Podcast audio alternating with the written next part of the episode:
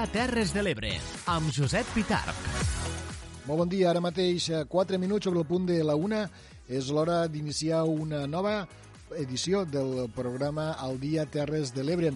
Aquest magazín informatiu que des d'ara mateix i fins al punt de les 4 vostès poden escoltar a través de sis dials, a través de sis emissores municipals de ràdio i eh, gràcies a la feina que cada dia fan les companyes i companys d'aquestes emissores que són Teri Giné i Clara Seguí a la Plana Ràdio, Núria Mora, Clàudia Ruiz i Javier Falcó a Ràdio Tortosa, Laia Oltra, Francesc Callau i Daniel Rodríguez a la Cala Ràdio, Judit Castells i Jonathan Valls a Ràdio Joventut, Eduard Carmona i Leonor Bertomeu a Ràdio Delta i Tomàs Ginestra, Jordi Galo i Manel Ramon a Amposta Ràdio.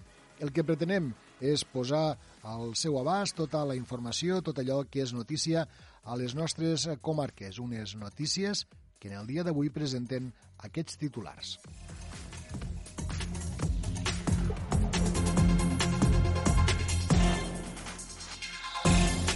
El COPATE constitueix la comissió de seguiment de la lluita contra el mosquit al Delta de l'Ebre.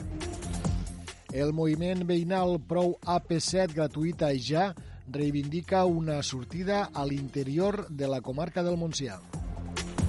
La CUP de Deltebre considera que la taula de consens del Delta s'ha d'obrir a més agents del territori. L'empresa Infosa, les Salines, preveuen acabar les obres de reconstrucció de la barra del Trabucador demà dimecres i restablir així l'accés a les Salines de la Trinitat per terra. L'Oficina d'Informació al Consumidor del Baix Ebre va atendre més de 1.700 consultes durant el 2019. El Consorci Bemo divulga les oportunitats que la conservació de la natura pot oferir als municipis. Les científiques marineres són les protagonistes del Dia Internacional de la Dona i la Nena en la Ciència a la Mella de Mar. Amposta programa una dotzena de rutes turístiques i culturals per descobrir el municipi al llarg de tot l'any. Santa Bàrbara revisarà les bosses d'escombreries i sancionarà els infractors. Campredó engega una campanya de civisme per evitar una política sancionadora. 19 bars i restaurants participaran en la primera edició de la ruta dels platerets de la carxofa i l'arròs a Amposta. I també destaquem que Humana recull prop de 20 tones de tèxtil usat durant l'any passat a la Mella de Mar.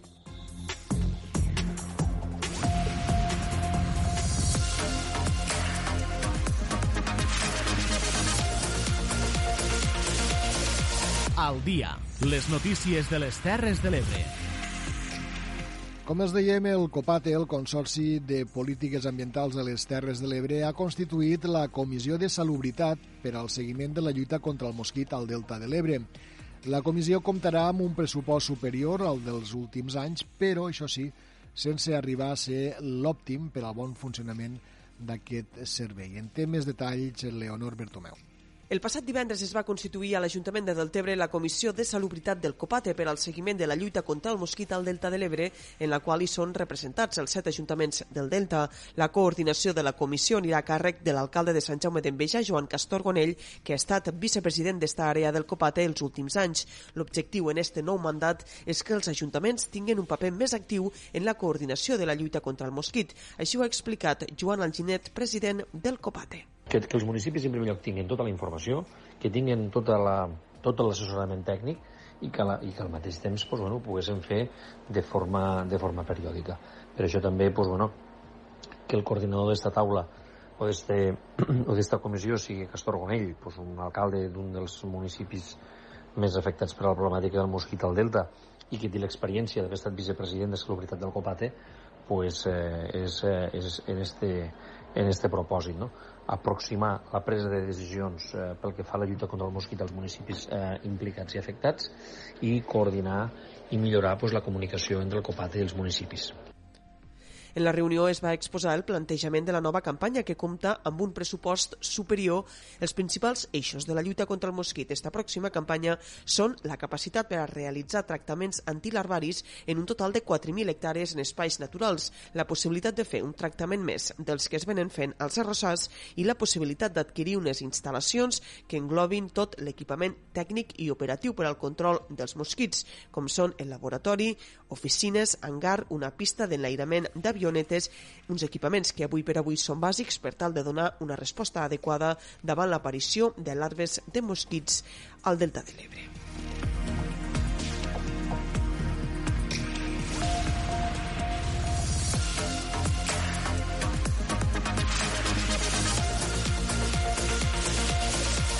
al dia. Canviem de tema. El moviment veïnal Prou AP7, gratuïta ja, reivindica una sortida d'aquesta via de la AP7 a l'interior de la comarca del Montsià. Demanen a les administracions locals que negociïn directament amb Fomento aquesta reivindicació històrica.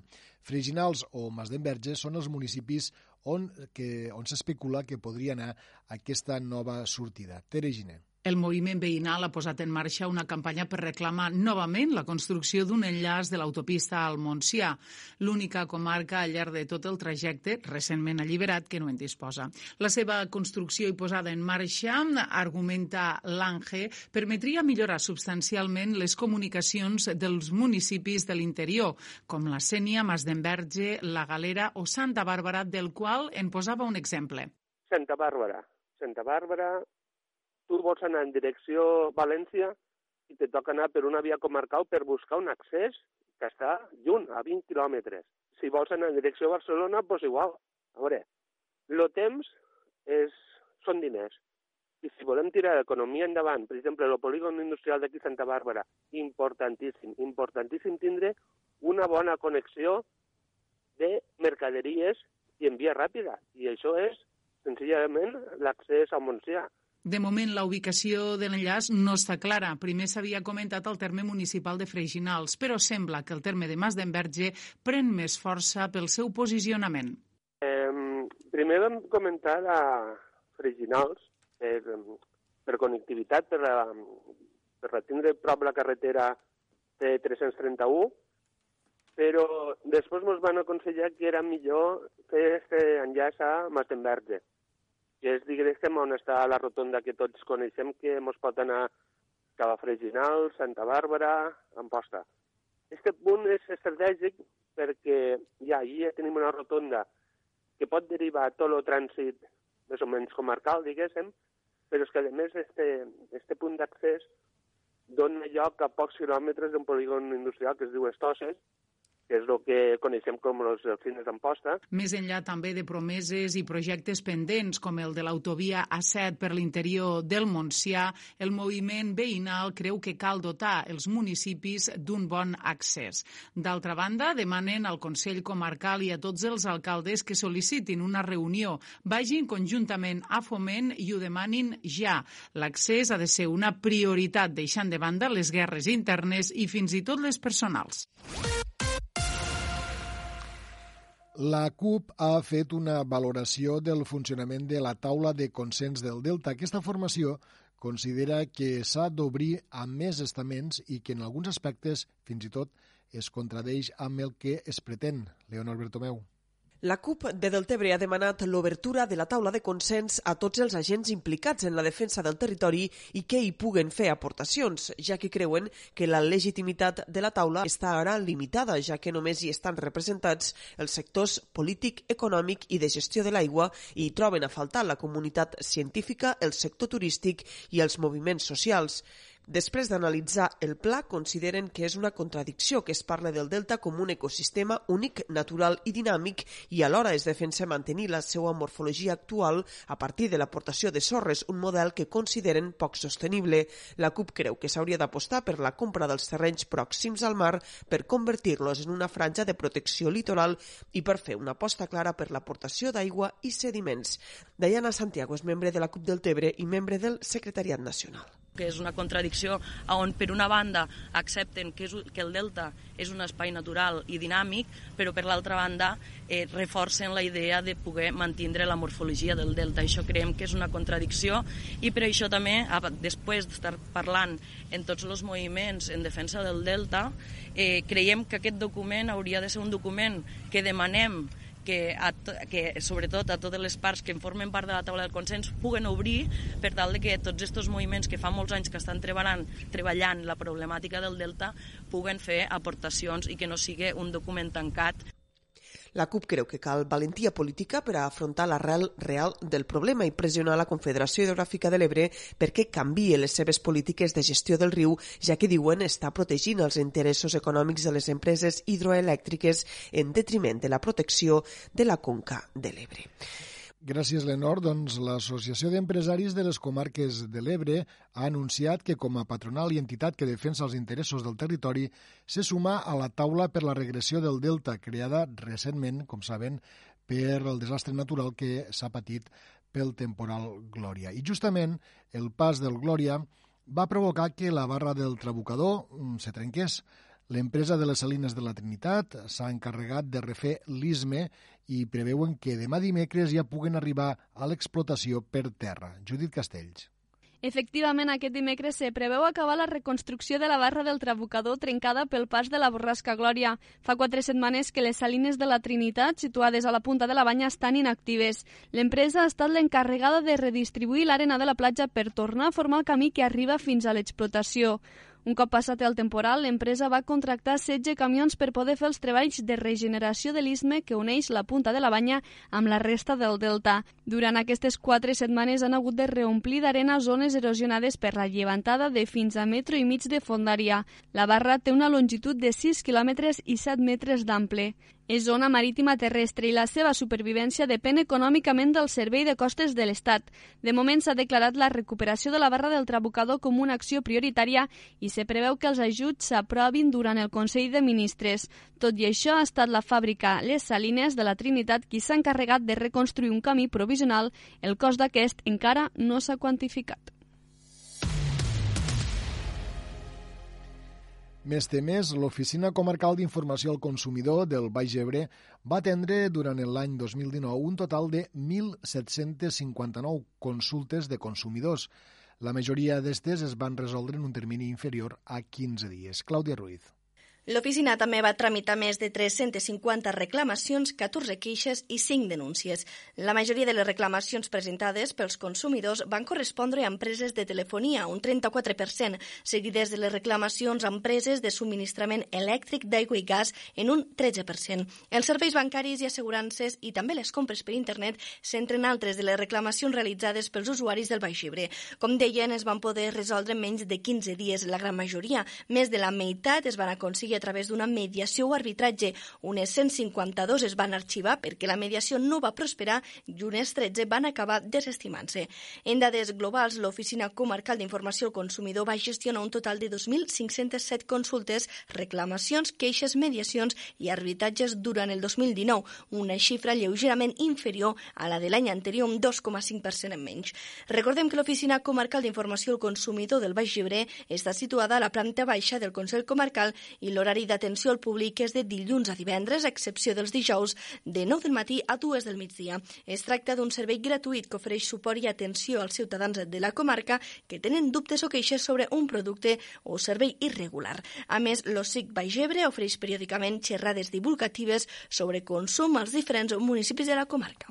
Gràcies, Clàudia. Per la seva banda, el Consorci per al Desenvolupament del Baix Ebre del Montsià, a través del projecte Custòdia per Desenvolupament, organitza el cicle d'eines als municipis, un cicle que servirà per apropar idees de eh, què pot oferir als municipis la conservació de la natura. Judit Castells.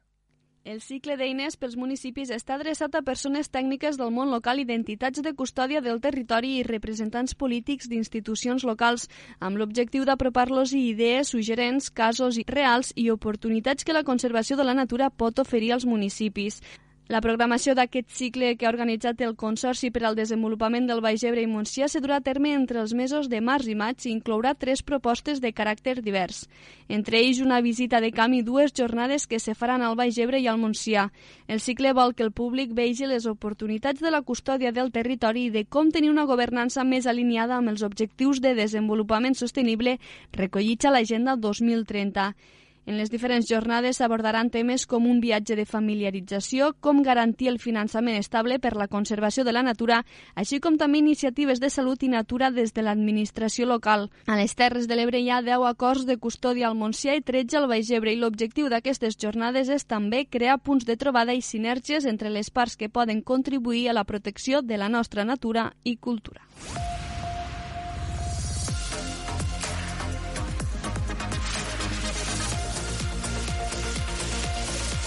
Al dia. Temps ja per a la cultura. Amposta programa una dotzena de rutes turístiques i culturals per descobrir el municipi al llarg de tot l'any. L'oferta inclou propostes a peu, en bicicleta o embarcació en espais tan emblemàtics com el Camí de Sirga o la Torre de la Carroba. Jordi Galo. L'Ajuntament d'Amposta ha programat per aquest 2020 una dotzena de rutes turístiques i culturals per donar a conèixer el seu patrimoni al llarg de tot l'any. Les diferents propostes, algunes gratuïtes i d'altres de pagament, permetran descobrir l'entorn natural com el Camí de Sirga o la llacuna de l'Encanyissada.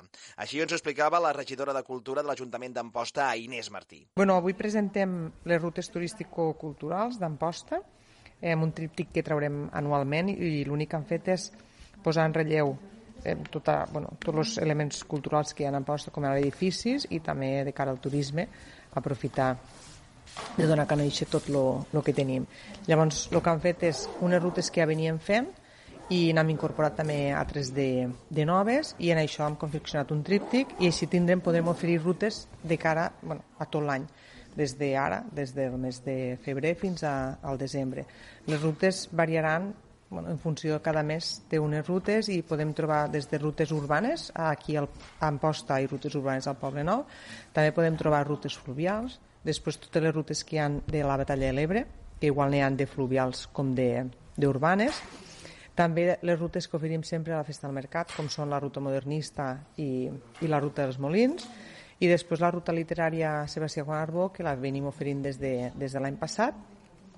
I totes aquestes rutes formaran part d'un tríptic i, i aquestes rutes com aniran, bueno, tenen un, un preu de una, una entrada que variarà en funció també de la ruta i que poden ja la gent que estigui interessada en, en comprar els tíquets, ja la major, no totes, però la majoria estan a la venda a la web d'Amposta.cat o també físicament a l'Oficina de Cultura i Festes i també podran comprar-ne aquí, a, sobretot aquí a l'oficina de turisme per als turistes que venen, moltes vegades a demanar informació, també se'ls podrà facilitar la, la venda d'entrades de, d'alguna de les rutes.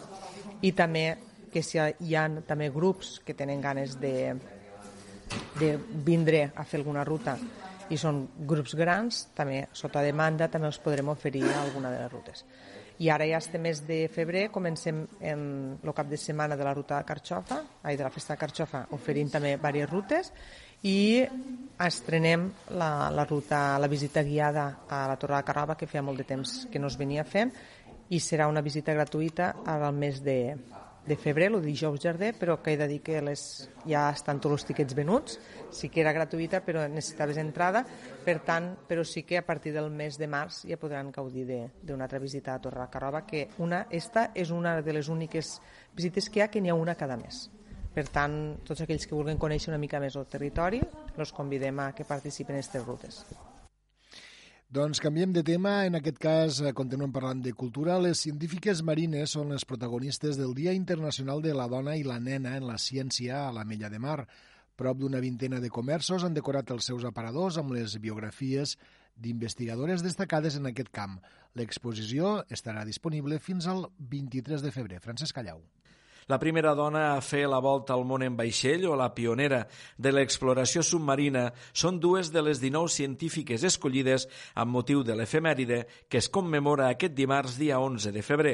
La copropietària de Plankton, Eli Bonfill, destaca que s'ha apostat per la temàtica marina. Si parles de ciència, que és un tema que potser no per tothom és algo prou llamatiu, no? pues estirar cap a casa al màxim. No? Si parles de mar, sí que qualsevol persona del poble li pot llamar l'atenció no? i dir, a veure de què va la història i fa que et sentis molt més propera als temes que s'estan parlant, no? Si tu tens que esbrinar coses sobre una científica però va de temes marins, no? saps que això et tocarà més de proximitat a tu. Per promoure i visitar l'exposició entre totes les persones que emplenin una butlleta amb els segells dels establiments participants, se sortejarà un menú doble a les pròximes jornades gastronòmiques. En el cas dels escolars, tal com explica la tècnica de turisme Eva Garcia, el premi serà un llibre sobre ciència. Aquí s'ha fet una butlleta on han de segellar entrar a cada comerç i des de la regidoria, des dels establiments, animem a que la gent ho faci, ja que, que es fa la iniciativa, i ho poden dipositar o a l'oficina de turisme a l'Ajuntament. Entre tots els adults adults es, es sortejarà un menú doble a les pròximes jornades gastronòmiques i entre tots els escolars es sortejarà un llibre científic. A banda de visitar els aparadors, els alumnes de l'Escola Sant Jordi també realitzaran experiments científics, mentre que a l'Institut Candelera es faran dues xerrades, una sobre Marie Curie i l'altra a l'entorn de la vida sexual al fons del mar, una conferència que es repetirà dijous dia 20 al bar Pica Pica a les 7 de la tarda.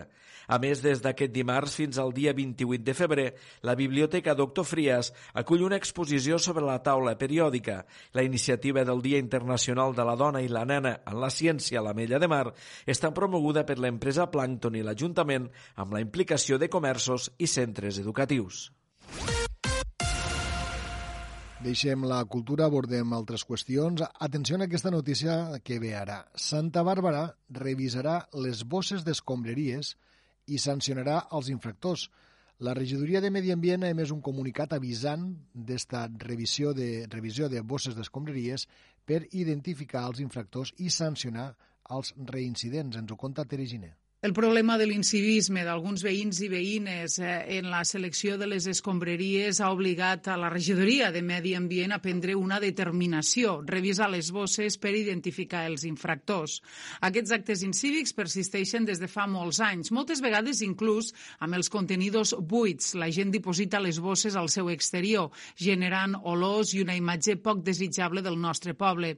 Conscients d'això i després de moltes denúncies via xarxes socials o per la mateixa mateixa emissora municipal per part de veïns i veïnes, la regidora de Medi Ambient, Helena Starlich, ha decidit donar un pas més enllà per tal d'identificar els infractors i denunciar-los si són reincidents. L'escoltem. Ja, temps, ja fa temps que s'està estudiant la, la proposta i creiem que sempre avisant primer als ciutadans i veient que no hi ha resposta cal recordar, de certa gent, vale, ens veiem obligats a revisar les bosses d'escombraries i prendre les mesures pertinents.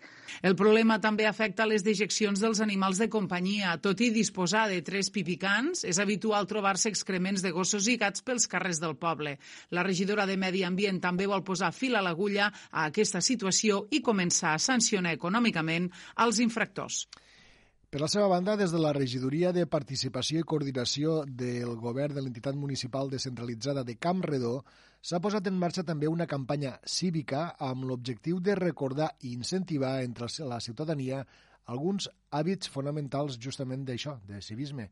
Clàudia Ruiz, en què consisteixen? Doncs per ara han instal·lat quadres informatius en els quals recorden els deures dels ciutadans i es fan algunes recomanacions per millorar la convivència.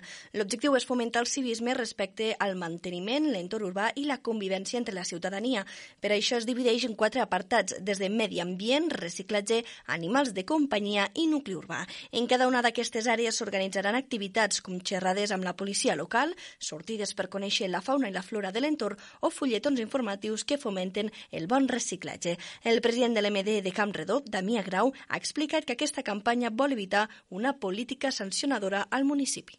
Bàsicament eh, anirem per àrees, com t'he dit, però que aquestes àrees eh, comportaran, eh, comportaran eh, durant 4 o 5 setmanes realitzarem tota aquesta sèrie d'activitats. Mm, I el que busquem, eh, abans d'una política sancionadora, el que busquem és eh, la complicitat dels veïns, que al final tots hi sortim guanyant, que fomentem la convivència, que millorem per entendre'ns la correcta eh, eh, distribució o despesa de, dels seus impostos. Durant els propers dies es repartirà informació pel poble i per les xarxes socials de l'Ajuntament. Des de la Regidoria d'Educació s'està treballant conjuntament també amb la direcció de l'Escola Porrodó i l'AMPA per fer arribar el missatge també a les xiquetes i xiquets de l'escola.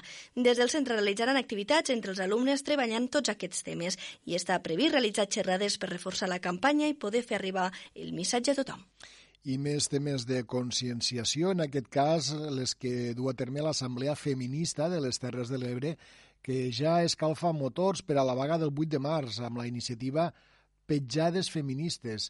Aquesta acció consisteix en pintar petjades de color lila als carrers de, divers, de diverses poblacions de les Terres de l'Ebre. De moment, les petjades, les petjades han aparegut a Gandesa, a Camarles, a l'Ampolla, a Tortosa i a Alcanar eh, durant aquest passat cap de setmana. Segons el col·lectiu organitzador de l'acció, en un comunicat, aquestes pejades simbolitzen el seu pas ferm cap a la societat i també diuen que aquestes passes van juntes per totes les terres de l'Ebre i mouran i canviaran les coses per reivindicar el seu lloc al món.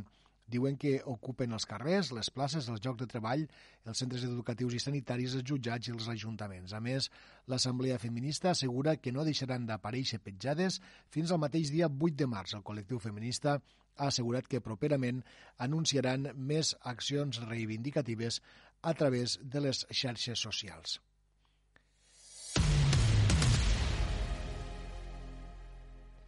Més qüestions. 19 bars i restaurants participaran en la primera edició de la Ruta dels Platerets de la Carxofa i l'Arròs. Serà els caps de setmana del 21 al 23 de febrer i del 28 a l'1 de març, a Amposta, després de la 25a edició de la Festa de la Carxofa, que serà justament el diumenge dia 16 de febrer. Jordi Galo. Doncs així és. La festa de la carxofa i de l'arròs arribarà enguany a la 25a edició i ho farà amb una novetat, incorporant l'arròs també com a producte estrella juntament amb la carxofa. Com és habitual, hi haurà el tas popular i tastos servits pels nou restaurants que hi participen. Se preveuen uns 5.000. Enguany el preu del tas popular serà de 5 euros i dels restaurants 3 euros. L'aigua i la cervesa serà gratuïta. Així ens ho explicava Pep Simó, regidor de l'Ajuntament d'Amposta. La festa de la carxofa que se celebrarà este diumenge 16 de febrer a partir de les 12 del migdia al pavelló 1 d'octubre. Eh, és una festa que porta ja 25 anys, que està totalment consolidada i el que enguany sí que hi ha algun canvi Eh, el tas popular puja a 5 euros perquè, bueno, hem comparat en altres festes populars que hi ha al territori i, este és el preu que més o menys és el que li pertoca. És un plat que està fet per una salxitxa, una botifarra, dos carxofes i dos llesques de pa en allioli i cervesa i aigua a, a disposició, és a dir, no, no tens, pots fer la que vulguis. L'oví sí que va a un euro, eh, l'oví. Després, el mateix dia hi ha un mercat de productes de quilòmetre zero, i nou restaurants ens oferiran degustacions. Degustacions per a tots aquells a 3 euros eh, que vulguen tastar los, les degustacions. Lo mateix cap de setmana, este cap de setmana, hi han dos rutes del Cirgador, dissabte al matí, a les 11 i mitja i a les 12 i mitja, i una ruta urbana diumenge a les 4 de la tarda, que és una de les noves propostes que hem presentat avui també, de les noves rutes per Amposta.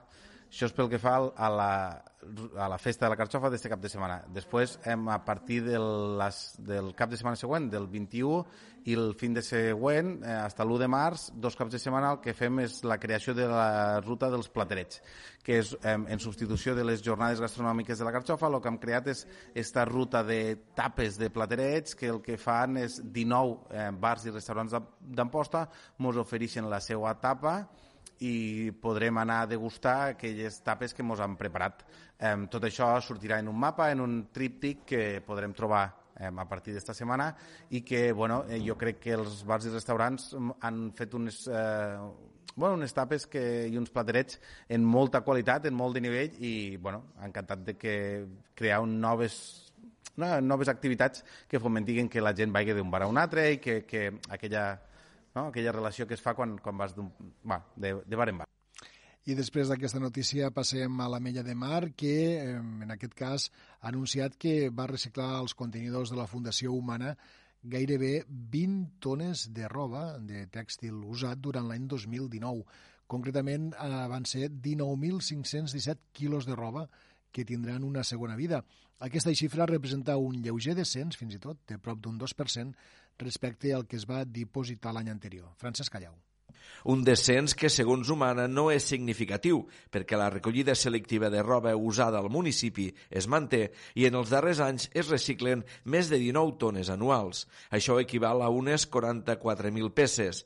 Des d'aquesta fundació, Joan Carles Montes remarca la importància de donar a la roba una segona vida. Des de Fundació Humana eh, en fem una valoració positiva perquè això demostra que la consciència de la ciutadania sobre la prevenció de residus i sobre la importància de la, de la reutilització es consolida any rere any i bé, doncs el que hem d'aconseguir entre tots doncs bé, és prendre consciència de la importància de que eh, es pugui recuperar, de que puguem donar una segona vida a un residu que aparentment no té valor, com és peces de roba que tenim a l'armari que ja no fem servir i que ja no en posem. Eh, des de Fundació Humana som capaços de convertir aquest residu tèxtil en un recurs econòmic, sobretot amb una finalitat ambiental, amb un benefici ambiental i amb una finalitat social. Per tant, eh, és important augmentar la consciència sobre la importància de la reutilització de la, de la prevenció de residus i també és important augmentar el número de punts de recollida eh, de la ciutadania. Aquesta reutilització també va representar a escala ambiental un estalvi local de 62 tones de CO2 a l'atmosfera durant l'any passat. A la Mella de Mar Humana disposa de sis contenidors repartits pel municipi per facilitar el reciclatge i la posterior reutilització de la roba i el tèxtil usat.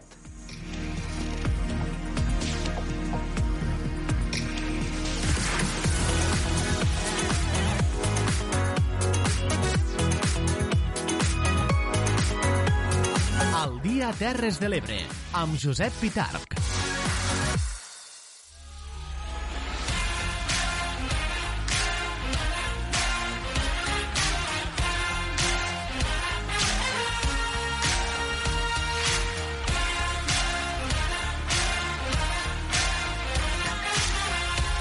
Al dia, els esports de les Terres de l'Ebre. 35 minuts sobre el punt de la una és hora ja de repassar les principals notícies d'esports d'aquest dimarts, d'aquest 11 de febrer, que avui presenten els següents titulars. El club de futbol Amposta em, acaba empatant contra 10 jugadors en un partit que guanyava 3 a 1. El club de futbol Masdenverge suma una victòria més fora de casa, aquest cas contra el club deportiu La Cava B.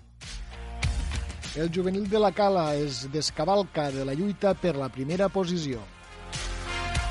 Fora del futbol, el club de bàsquet Cantaires es posa líder en solitari després de guanyar al club de bàsquet La Mella de Mar. Godall acollirà el proper Campionat de Catalunya Infantil de Villes 2020.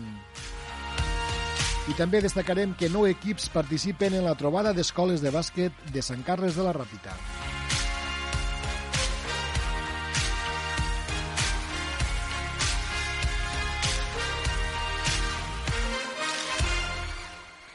Un dia més comencem el temps dels esports, parlant-los de futbol. El club de futbol Amposta acaba empatant contra 10 en un partit que guanyava 3 a 1.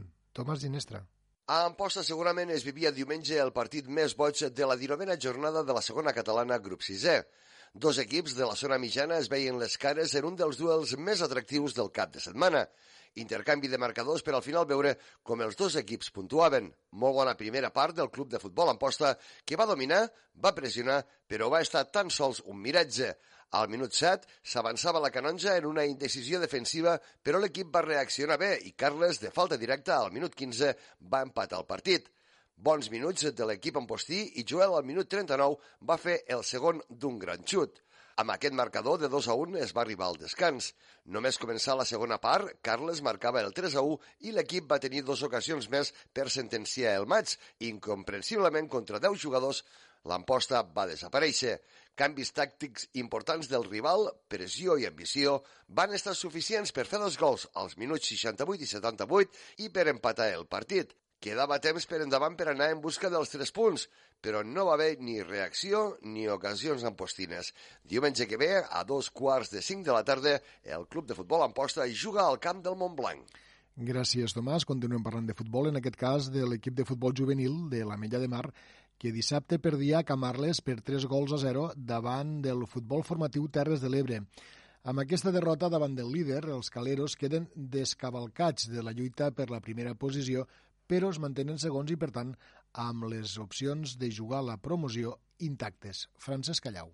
Els de la Milla de Mar van encaixar els dos primers gols en moments estratègics. El primer, temps de començar el primer temps, i el segon, en l'últim minut d'aquesta primera part. I tot i tenir opcions d'escurçar les diferències, amb diverses oportunitats, i fins i tot enviant per quatre ocasions la pilota al pal, van acabar encaixant el 3 a 0 definitiu a la meitat de la segona part. La victòria davant del futbol formatiu era la única opció que tenien els de la Mella de Mar per aspirar a la primera plaça. Ara caldrà conservar la segona posició en les cinc jornades que queden per finalitzar la Lliga. Pel que fa al cadet, els caleros van golejar per 7 gols a 0 el futbol formatiu Terres de l'Ebre B. Els caleros van llançats en la primera posició de la classificació amb uns números envejables, una sola derrota i un sol empat i la resta victòries en tota la temporada. Treuen un punt de diferència al segon l'ull de Cona, encara que amb un partit menys jugat. Aleix Escoda, Juanito Sánchez i Denis Margalef, tots tres amb un doblet, i Isaac Tesson van ser els golejadors. Els de la Mella de Mar tenen un partit important dissabte al camp de l'Ull de Cona, que actualment tot i que amb un partit més és segona a la classificació. Pel que fa a l'infantil, els de la Mella de Mar van caure per 8 gols a 0 davant del Tortosa B en el pitjor partit de la temporada. Els de la Mella de Mar es van veure desbordats pels tortosins i van ser incapaços de fer cap acció de perill a l'àrea local. Entre la derrota en posta, la jornada de descans i la derrota tortosa, els de la Mella de Mar han vist com l'Ull de Cona i el Gandesa els superaven en la lluita per la tercera posició. En quant als alevins, l'Alevià, la categoria preferent, va perdre per 9 gols al camp del Calafell i la Levi B va perdre per 10 a 3 al camp del Jesús Catalònia. Tots dos són cuers a la classificació. El Benjamí Federat va perdre per 8 a 1 al camp del líder, el Roquetenc, i en futbol escolar el Benjamí Llobarrets va guanyar 4 a 1 a l'Ebre Escola i és líder del tercer grup i el prebenjamí Seitonillos va perdre per 4 eh, a 1 a Camp Redó i és cinquè en el grup 2 de la seva categoria. Deixem momentàniament el futbol per parlar de bàsquet, ja que el Club de Bàsquet Cantaires es va imposar amb claretat al Club de Bàsquet de la Mella de Mar per 58 a 82, una victòria que permet l'equip tortosí situar-se líder en solitari després de la derrota també de l'Àguiles. Núria Mora. El partit disputat dissabte es va haver de jugar al pavelló del Temple de Tortosa per uns problemes amb una de les cistelles a la pista de l'Ametlla de Mar.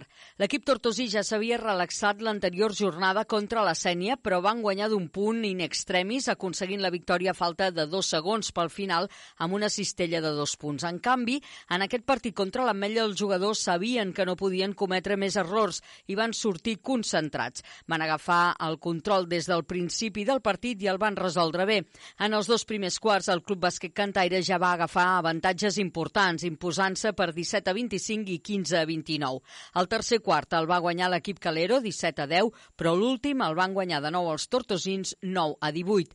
Edgars, amb 26 punts, va ser el màxim anotador del partit, seguit de Prunyo amb 22 i Lluís Bel amb 20.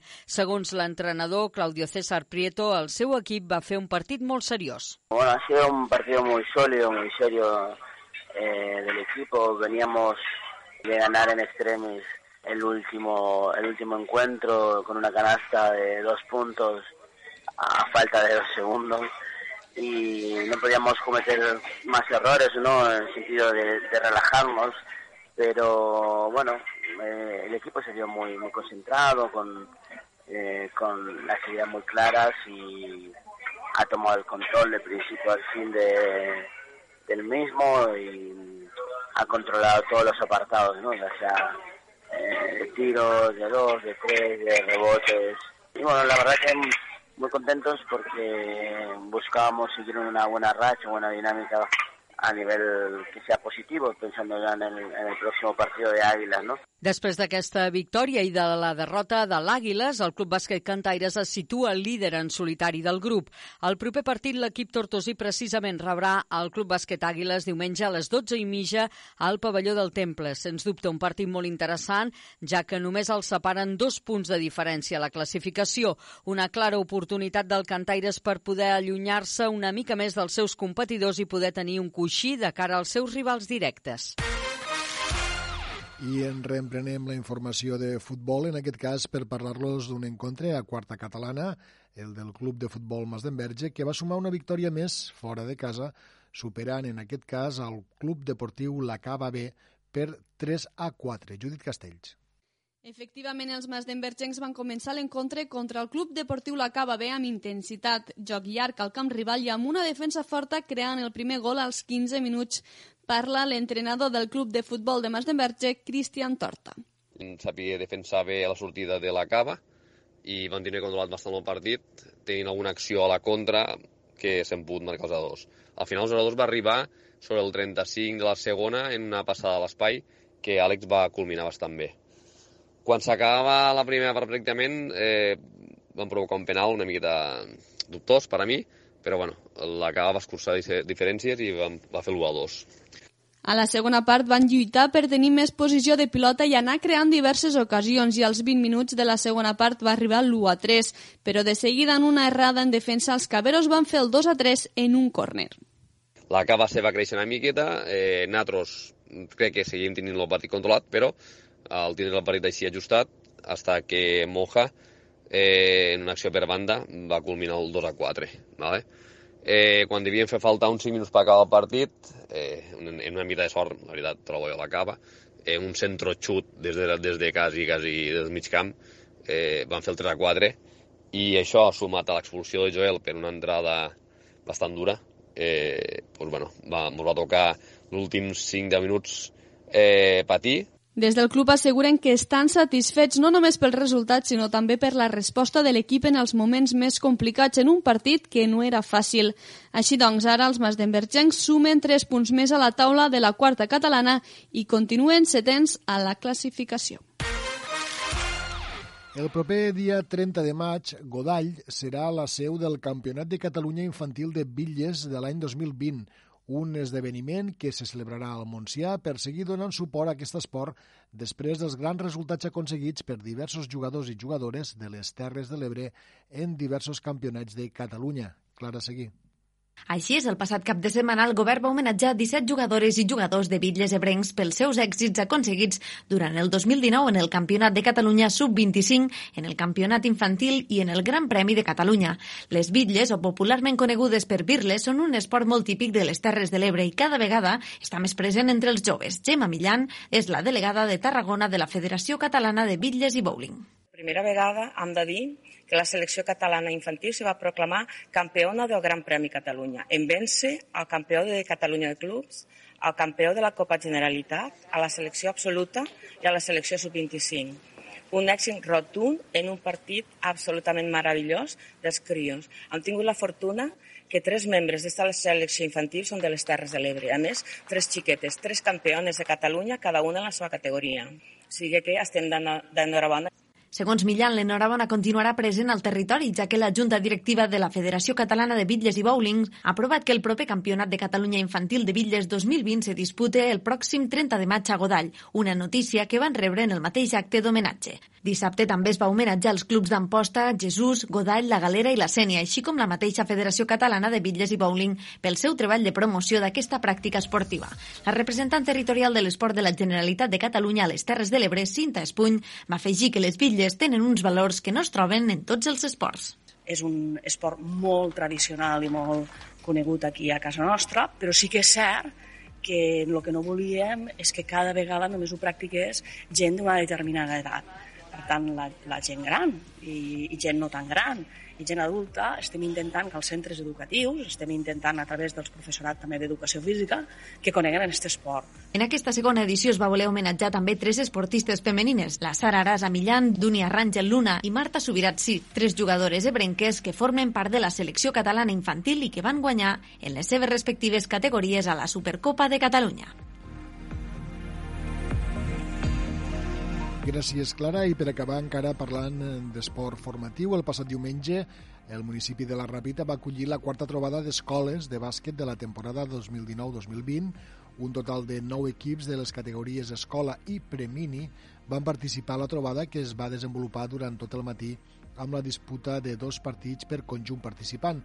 En aquesta categoria escola van prendre part els equips del Club de Bàsquet Cantaires de Tortosa, el Club Bàsquet d'Amposta, el Club de Bàsquet en Rapitenc i el Club de Bàsquet Vinaròs, mentre que la categoria Premini van jugar el Cantaires de Tortosa, l'Alcanà, l'Amposta A, l'Amposta B i la Sènia.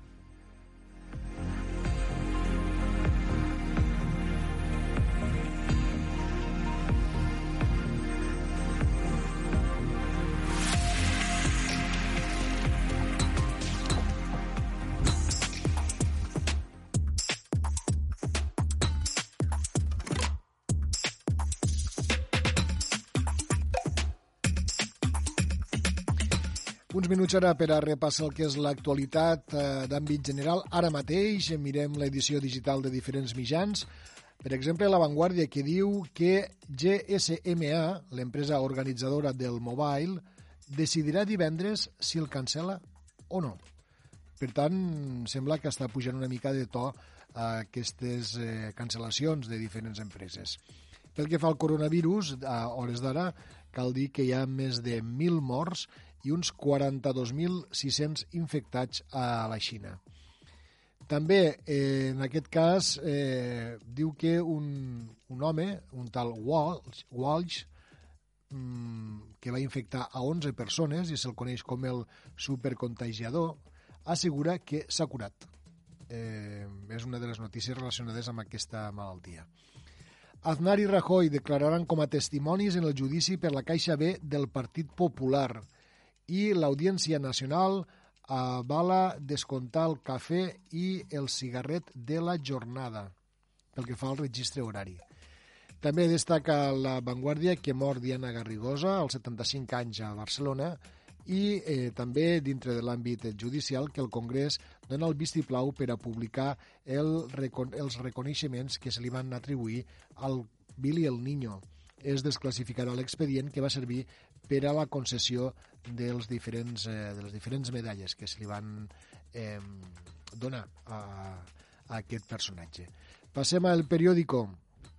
Diu el mateix, GSMA decidirà divendres si cancela o no el mobile. L'investigador Oriol Mitjà insta a ajornar el mobile per evitar la transmissió del coronavirus. L'Audiència Nacional defensa descomptar les pauses per fer el cafè o per fumar de la jornada laboral i també destaca el periòdico que mor Diana Garrigosa, dona de Pasqual Maragall. La Vall d'Hebron estudiarà la relació entre el colon irritable i l'ansietat o la depressió. Messi ignora Griezmann, segons la revista France Football eh, una informació mm, que en aquest cas eh, és una mica sorprenent a tenor de com se veu la seva relació quan estan jugant, almenys. També destaca en aquest cas el periòdico que Aznar i Rajoy, entre els testimonis del judici de la Caixa B del Partit Popular, i Arrimadas demana al Partit Popular que deixi de banda el seu egoisme i se sume a millor eh, units.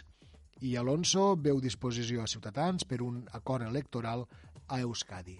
Pel que fa al punt avui, destaca que l'organitzadora del Mobile es reunirà divendres per decidir què fer davant de les múltiples baixes que hi ha en aquest congrés. Intel i Vivo tampoc aniran al, en aquest congrés de Barcelona i ja són 10 les baixes per la por al coronavirus. Els forats que deixen aquestes companyies equivalen pràcticament ja al 10% de tot l'espai expositiu. La jutgessa de Vigilància Penitenciària autoritza el permís de 72 hores per a Jordi Cuixart, també que dimiteix la presidenta de la delegació del CPR a Perpinyà per motius ideològics, professionals i de salut, i la Xina registra un nou rècord de víctimes del coronavirus en un sol dia. El vicepresident del govern, aragonès, diu que de cap manera s'ha de desaprofitar l'oportunitat de la taula i eh, assegura que si el PSOE vol un nou acord, primer haurà d'anar complint els anteriors. Von der Leyen reivindica la seva oferta comercial única al Regne Unit i també els dos partits tradicionals a Irlanda insten al Sinn Féin a intentar formar govern. I eh, acabarem aquest, eh, aquesta secció mirant què diu l'Ebre Digital. Destaca a hores d'ara que Paco Gas, l'alcalde de Roquetes, ha estat escollit nou president del Parc Natural dels Ports L'atleta de Batea, Adam Major, campió de Catalunya de cross, i també destaca que Esquerra Republicana vol que Deltebre sigui un municipi cardioprotegit. El eh, comunicador del Tebrenc, Albert Pagà, farà la presentació del Carnestoltes a l'Aldea i també destaca que l'Ajuntament de Mora d'Ebre aconsegueix finançament i garanteix la celebració de Literarum per als propers anys. Finalment, també en clau esportiva, l'Ebre Digital destacar el bronze per a Meritxell Benito al Campionat de Catalunya d'Atletisme en pista coberta.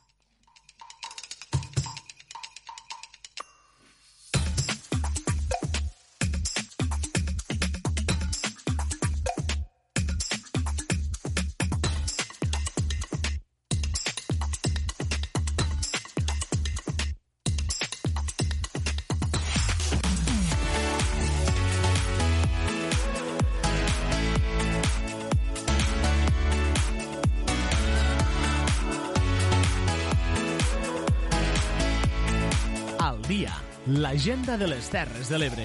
Ràpidament anem a repassar l'agenda d'activitats al nostre territori. Començarem als estudis de Ràdio Tortosa, saludant a la nostra companya Clàudia Ruiz. Clàudia, bon dia. Bon dia, Josep. Avui us havíem d'anunciar una de les activitats previstes per avui, com és el curs de tres dies de principis bàsics d'edició de fotografia de natura a càrrec de Policarpo Hernández, de Beer and Nature Photographer, i que s'organitzava des del GPEC. S'havia de dur a terme Roquetes, però us avisem que ha quedat ajornat i que properament sabrem la nova data. Però tenim altres activitats, com les que es duen a terme a la Biblioteca de Tortosa, amb les converses d'alemany a les 6 de la tarda amb Mariano Gil o les de castellà amb Anna Gil a les 7 de la tarda. I us avancem que demà dimecres a les 7 i mitja de la tarda es presentarà el llibre Tota la veritat de Ferran Casas, Gerard Pruna, Odei, Marc Martínez, Neus Tomàs i Roger Mateos. Serà la seu del Col·legi de Periodistes de les Terres de l'Ebre, ubicat aquí a Tortosa, i serà a través d'una conversa amb Oriol Gracià i els autors Roger Mateos i Ferran Casas. Gràcies, Clàudia. De Tortosa passem a Deltebre, Ràdio Delta. Saludem el nostre company Eduard Carmona. Eduard, bon dia. Bon dia, Josep. Avui us portem una sèrie d'activitats, com ara l'exposició Dones de Ciència, una exposició que s'organitza amb la col·laboració de l'Institut eh, Català de la Dona i que tindrà lloc de l'11 al 28 de febrer a la Biblioteca Delta de l'Ebre. El dijous 13 de febrer una altra activitat que podeu trobar a la Biblioteca Delta de l'Ebre és el contacontes més manualitat, és a dir, un contacontes que inclou sempre una manualitat relacionada amb el conte que s'explica, que tindrà lloc a les 5 i mitja de la tarda, també, com dèiem, a la Biblioteca Delta de l'Ebre. I per aquest divendres 14 de febrer, a les 5 i mitja de la tarda i també a la Biblioteca Delta de l'Ebre hi haurà, s'oferirà un taller de carnaval. Ja sabeu que aquí del Tebre comença el carnaval aquest divendres i hi ha una sèrie d'actes també preparats per aquests dies, per al cap de setmana. I la resta d'actes eh, els deixem per demà, que estarem més a prop encara del cap de setmana i els anirem explicant per tenir-los ben fresquets. Moltes gràcies, Eduard, i per acabar la nostra agenda, en aquest cas anem als estudis eh, de Ràdio Joventut, amb Esdenverge, per saludar la nostra companya Judit Castell. Judit, bon dia. Bon dia, Josep. Avui des de Ràdio Joventut us recordem que continua vigent l'exposició de pintura en femení d'Anna Bas, que s'està donant a terme al Centre d'Interpretació de la Terrissa de la Galera i que consisteix d'un conjunt d'obres de gran format i tècnica mixta on el tema recurrent és la dona. I en àmbit cultural encara, a la Ràpita, s'està donant a terme l'exposició Camins de Ronda que proposa un recorregut per la diversitat de paisatges i maneres de viure d'uns senders que uneixen tota la costa catalana. Les dues exposicions són d'entrada lliure i gratuïta i a la Ràpita aquest dissabte se durà a terme la tercera xocolatada solidària amb motiu del Dia Internacional del Càncer Infantil. L'objectiu és recaptar fons per a la investigació d'aquesta malaltia a l'Hospital Sant Joan de Déu i el repte d'enguany és arribar a les 1.200 xocolatades, una per cada infant diagnosticat a l'any a Espanya. El donatiu és de 2 euros.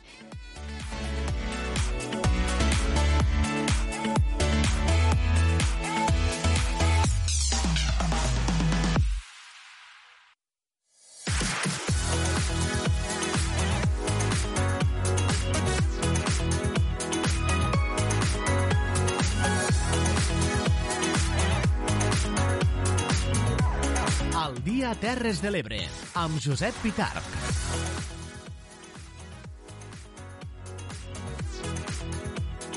Tornem a estar en tots vostès al programa El Dia Terres de l'Ebre quan són ara mateix 5, els minuts que passen del punt de les 2, les 2 i 5. Continuem, continuem en directe a través de 6 dials, a través de la Plana Ràdio Santa Bàrbara, a través de Ràdio Tortosa, de la Cala Ràdio La Mella de Mar, de Ràdio Joventut amb Esdenverge, de Ràdio Delta del Tebre i també a través d'Amposta Ràdio, que som les sis emissores municipals que fem de manera conjunta aquest espai, aquest programa de ràdio. Un programa que en el dia d'avui, en l'intent que fem de posar al seu abast tota la informació, hem destacat aquestes notícies.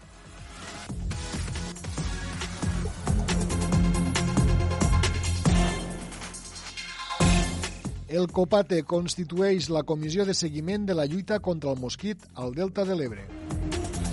El moviment veïnal Prou AP7 gratuïta ja reivindica una sortida de l'autopista a l'interior del Montsià.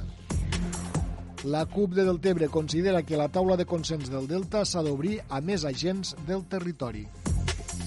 L'empresa Infosa preveu acabar les obres de reconstrucció de la barra del Trabucador demà dimecres i restablir l'accés per terra a les salines de la Trinitat. L'Oficina d'Informació al Consumidor del Baix Ebre va atendre més de 1.700 consultes durant l'any 2019. El Consorci BEMO divulga les oportunitats que la conservació de la natura pot oferir als municipis. Les científiques marines són les protagonistes del Dia Internacional de la Dona i la Nena en la Ciència a la Mella de Mar. Amposta a programar una dotzena de rutes turístiques i culturals per descobrir el municipi al llarg de tot l'any. Santa Bàrbara revisarà les bosses d'escombraries i sancionarà els infractors. Camp Redó engega una campanya de civisme per evitar una política sancionadora. 19 bars i restaurants participaran en la primera edició de la ruta dels platerets de la carxofa i l'arròs. I també destaca que Humana recull prop de 20 tones de tèxtil usat l'any passat a la Mella de Mar.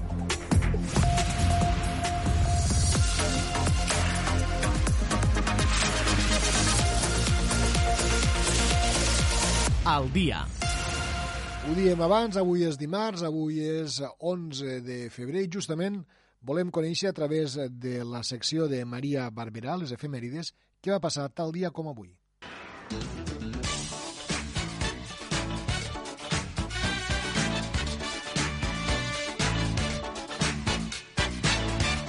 Benvingudes i benvinguts al repàs dels fets ocorreguts al llarg dels anys tal dia com avui, 11 de febrer, data en què celebra el Dia Internacional de la Dona i la Nena a la Ciència.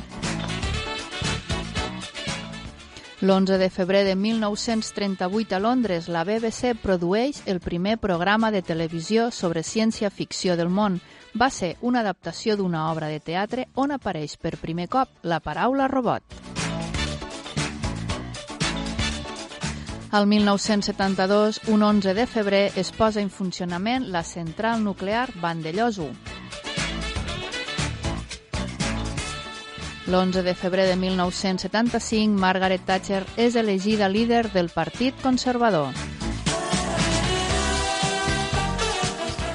Uns anys més tard, l'11 de febrer de 1978, la Xina aixeca la prohibició contra les obres d'Aristòtil, William Shakespeare i Charles Dickens. I era 11 de febrer de 1990, quan Nelson Mandela és alliberat de la presó després de 27 anys. Sempre es recordarà com la persona que va liderar el moviment que va posar fi a l'apartheid sud-africà. L'11 de febrer de 2000, Telefònica i el BBVA segellen una aliança estratègica. I el mateix dia i el mateix any, al Regne Unit, Tony Blair anuncia la suspensió de totes les institucions autònomes d'Irlanda del Nord davant la negativa de l'IRA a lliurar les armes. Al 2012, un 11 de febrer, ens deixava la cantant Whitney Houston. A la edat de 48 anys, va morir a un hotel de Los Angeles la nit abans de la gala de lliurament dels Premis Grammy. L'11 de febrer de 2013, el papa Benedicte XVI anuncia que renunciarà a les seves funcions per raons de salut el dia 28 del mateix mes. Acabem aquí el repàs a les efemèrides del dia. Esperem retrobar-vos aviat.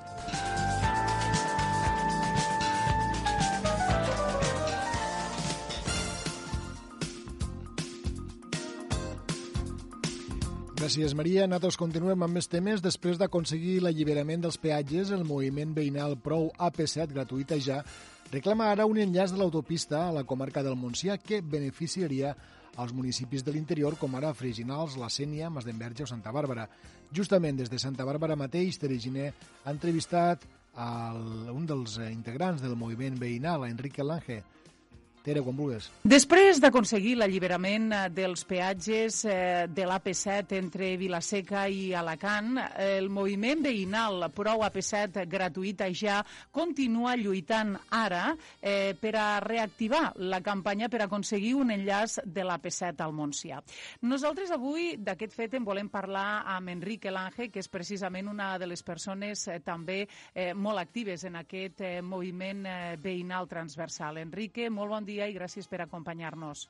Hola, bon dia a tots i a totes, bon dia. Mm, Bé, llegíem precisament aquesta, aquesta notícia i és que vosaltres no pareu de, de reclamar i ara sabem que heu iniciat una campanya precisament per reclamar un enllaç eh, de, de l'autopista, eh, més que res aquí, a l'interior del Montsià, no és així? Sí, exacte. Eh, hem, hem lluitat per alliberar una, una via que vertebra tot l'eix mediterrani i ara com hem aconseguit és que volem que tots els pobles estiguin connectats. I justament aquí al, a la nostra comarca, la comarca de Montsià, és un lloc de, de tota Catalunya i gairebé del País Valencià on falta aquesta connectivitat, diguéssim. Perquè no oblidem que els pobles que no estiguen com, en comunicats o en connexió o en entrades i sortides a l'AP7, molts deixaran d'existir via comercial i també socialment. Eh, és importantíssim quan tu vas per una via tan gran, com pot ser una, una autopista o inclús podem dir una via europea, que els pobles estiguen, que no, esta, esta carretera no passa de llarg i poguéssim entrar i sortir per beneficiar econòmicament i socialment tots els pobles, i en especial els pobles de l'interior Montsià. Com saps, l'any 96 eh, ens van traure l'estació de tren, van eliminar les vies i l'interior Montsià se va quedar, diguéssim, aquella paraula que no ens agrada tant, que se diu incomunicat, sense cap mena de, de compensació social, ni econòmica, ni de serveis. I crec que ens ho mereixem. A més, tenint en compte que si se feia un accés al Montsià seria el primer del sud de Catalunya, estem parlant que possiblement al Baix Ebre hi ha quatre accessos a l'autopista i justament aquí a Montsià doncs no en tenim cap. Uh -huh. Això beneficiaria municipis com, per exemple, la Sènia, Santa Bàrbara, Mas d'Enverge o, o, o la Galera, no? Beneficiaria, eh, tal com tu comentaves, amb el, amb el potencial econòmic que, que aquestes vies de comunicació poden, poden aportar, perquè vosaltres més o menys sabeu on, on se situaria aquesta, aquesta, aquest enllaç?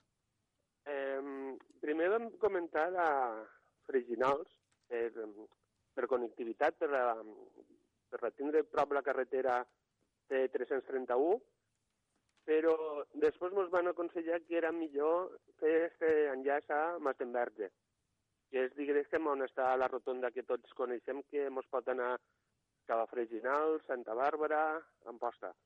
Aquest punt és estratègic perquè ja allí ja tenim una rotonda que pot derivar tot el trànsit més o menys comarcal, diguéssim, però és que, a més, este, este punt d'accés dona lloc a pocs quilòmetres d'un polígon industrial que es diu Estosses, que és el que coneixem com els cines d'Amposta, però també, imagineu si és important aquest accés, que tots coneixem l'alta sinistralitat que té l'AP7 entre els quilòmetres 333-336, que és on desgraciadament van morir aquí xiquetes de l'autobús ara, ara fa, em sembla que són 3 anys, uh -huh. em sembla, sí. quan venien de, de, de Sant Josep a les falles de València.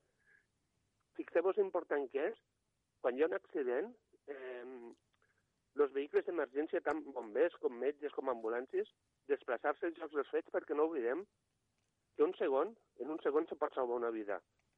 I és fundamental, perquè ara penseu que, a part de la connectivitat entre els pobles, penseu quan hi ha un accident allí, que els bombers, els bombers d'Amposta, per exemple, tenen que anar a l'aldea, imagineu, en direcció contrària, per tornar a pegar la volta per arribar a Freginals.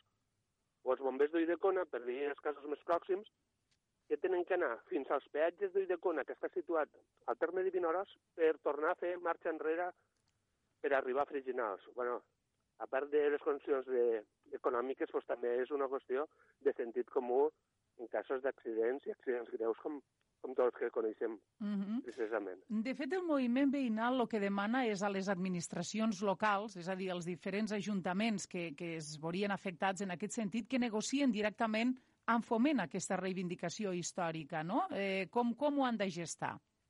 Mira, eh, tenim que a Foment, doncs possiblement cada setmana li arriben centenars de peticions bueno, relacionats, per exemple, en tot, en tot d'obres i de més. Clar, arriben mocions i, i les mocions pues, se, queden, se queden en un racó. De fet, una reunió que vam tindre amb la Carme Forcadell, mos ho va dir clarament, diu, una moció aprovada per un ajuntament és paper mullat. Una moció contra foment d'un poble petit pues, no, va, no va en lloc. Nosaltres el que ens agradaria seria un agrupament de tots els pobles del, del Montsià, sobretot els d'interior, però també els que no s'afecta tant, com per exemple Sant Jaume, el Canà, fer pinya, fer pinya i tots anar plegats i demanar una reunió urgent en foment, perquè a veure, eh, fa dos mesos que s'ha alliberat l'autopista, la, però ja se sabia que quedaria alliberada.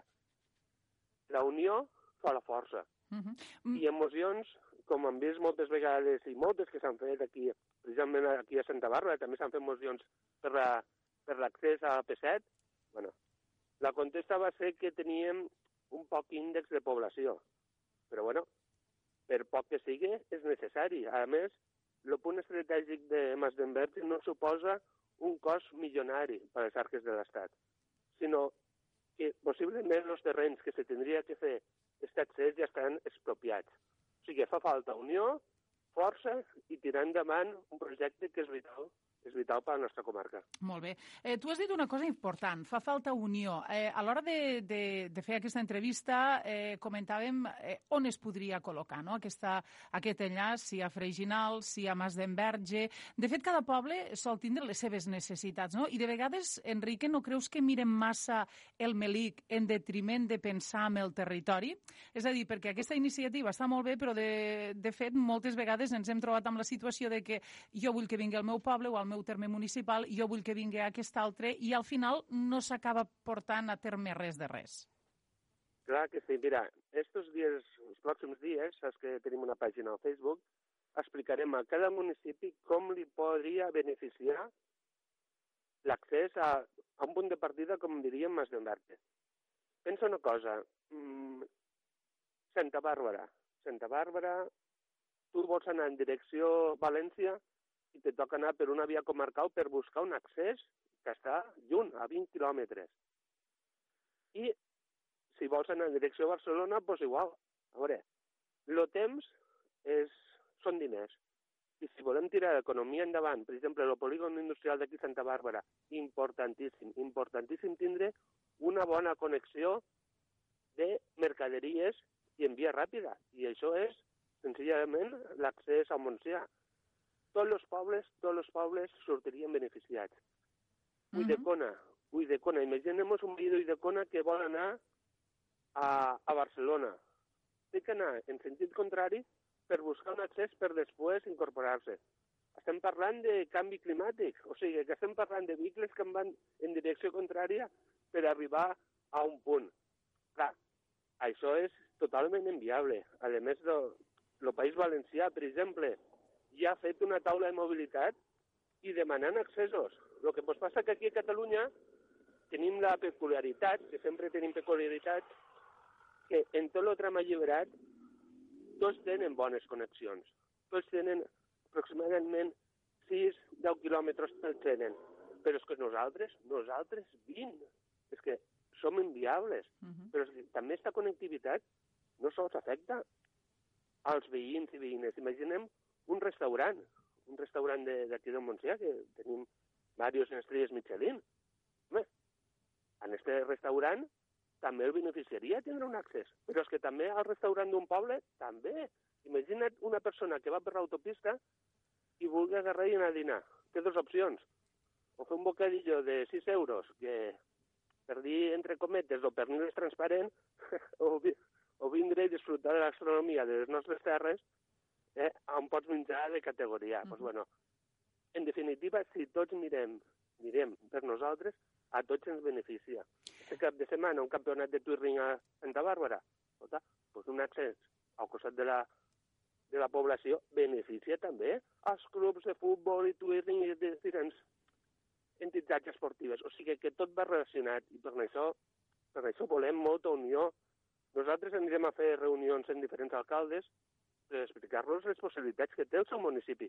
Però, bueno, si ells volen continuar esperant que algun dia, d'aquí molts anys, li facin una autovia, doncs, bueno, el temps són diners i el territori està perdent temps i diners. Eh, és el que t'anava a preguntar jo ara, si, si havíeu parlat ja, si havíeu encetat aquestes converses amb, amb els alcaldes eh, que, de, de l'interior del Montsià. Encara no ho heu fet, Enrique? Bueno, vam tindre una primera reunió aquí a Santa Bàrbara, en equip de govern, diguéssim, i ara tenim una altra pendent al, amb l'alcalde de la Sènia. La Sènia també és un municipi important. Eh, les tendes de mobles, com vas a la tenda de mobles? Un accés amb la nova Sènia reafirma i potencia el poble. Nosaltres, per anar a reunions, te puc assegurar que, que anirem a totes les que faci falta. També ens vam reunir en, en, bueno, en un representant de, de la PIMEC, bueno, segons ens va dir ell, d'empreses. Pues, bueno, tots hem de fer camí, però el que passa és que moltes vegades, moltes vegades, i això és, és clar, que el moviment veïnal s'ha sentit sol i oblidat. Veure, portem quatre anys i mig de lluita i el suport ha sigut mínim i, si vols que et digui, inexistent. Però, bueno, nosaltres, nosaltres també pensem que som forts i si ells no volen anar a Madrid a parlar en foment, tranquils que anirem nosaltres i farem el que sigui i allà on creguéssim anirà a la sortida i que no se molesten. Uh -huh. Però estem oberts a parlar amb tots els partits polítics, representants, comerciants, bueno, associacions, les portes sempre estan obertes. De totes maneres, Enrique, sí que és cert que també eh, tenim una autovia A7 eh, per l'interior del Montsià que, que, està, que està projectada, que està pendent. Sí, està pendent i com tu dius, està projectada. Però fixa't que hasta fa poc van, van caducar l'estudi ecològic de, que suposaria una, una autovia per l'interior. Vale. I vulgui defensar una autovia, que la defense, que la defense i vagi als puestos que facin falta per defensar això. Nosaltres no s'anirem a ficar cap pega. El que sí que volem dir és que el ministre Avalos, el ministre de Foment, en el seu temps va dir que una vegada alliberada l'autopista se miraria en quins punts fan falta més accessos, carrils i connexions. I de desdoblament d'una autopista o fer una via, una autopista paral·lela a l'altra, no va comentar absolutament res. Clar, si tu mires també les infraestructures pendents a Catalunya, aquesta tampoc apareix.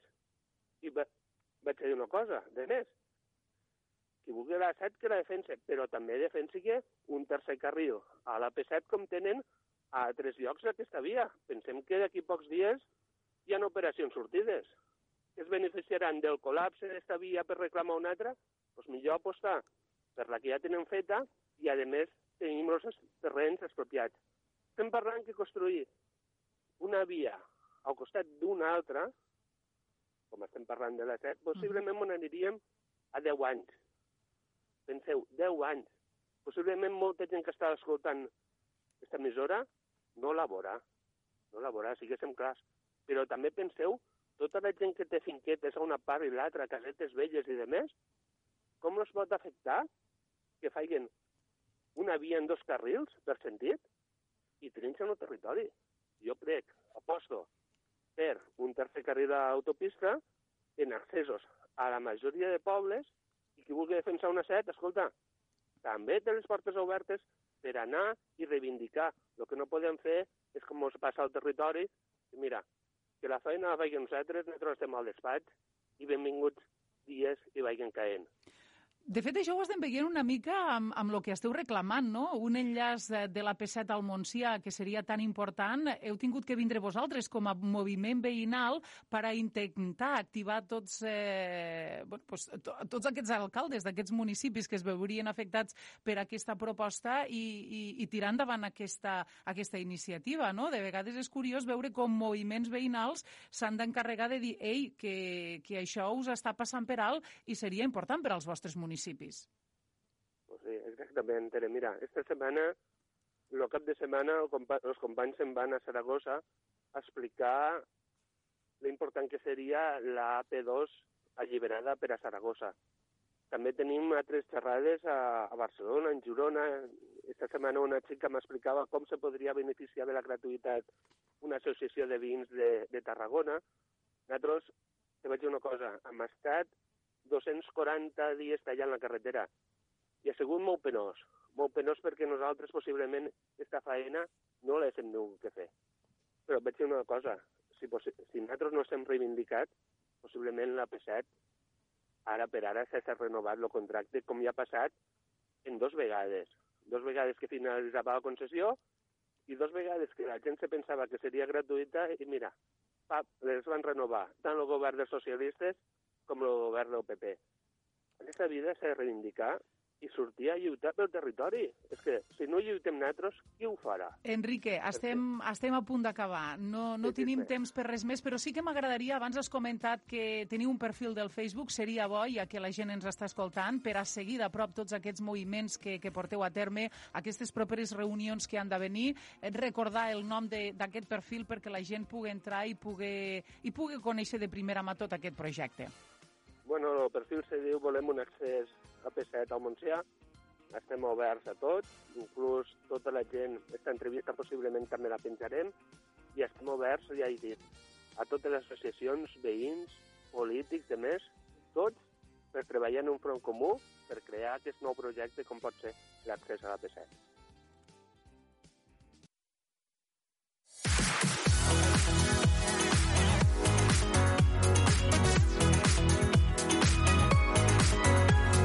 El dia Terres de l'Ebre, amb Josep Pitarc.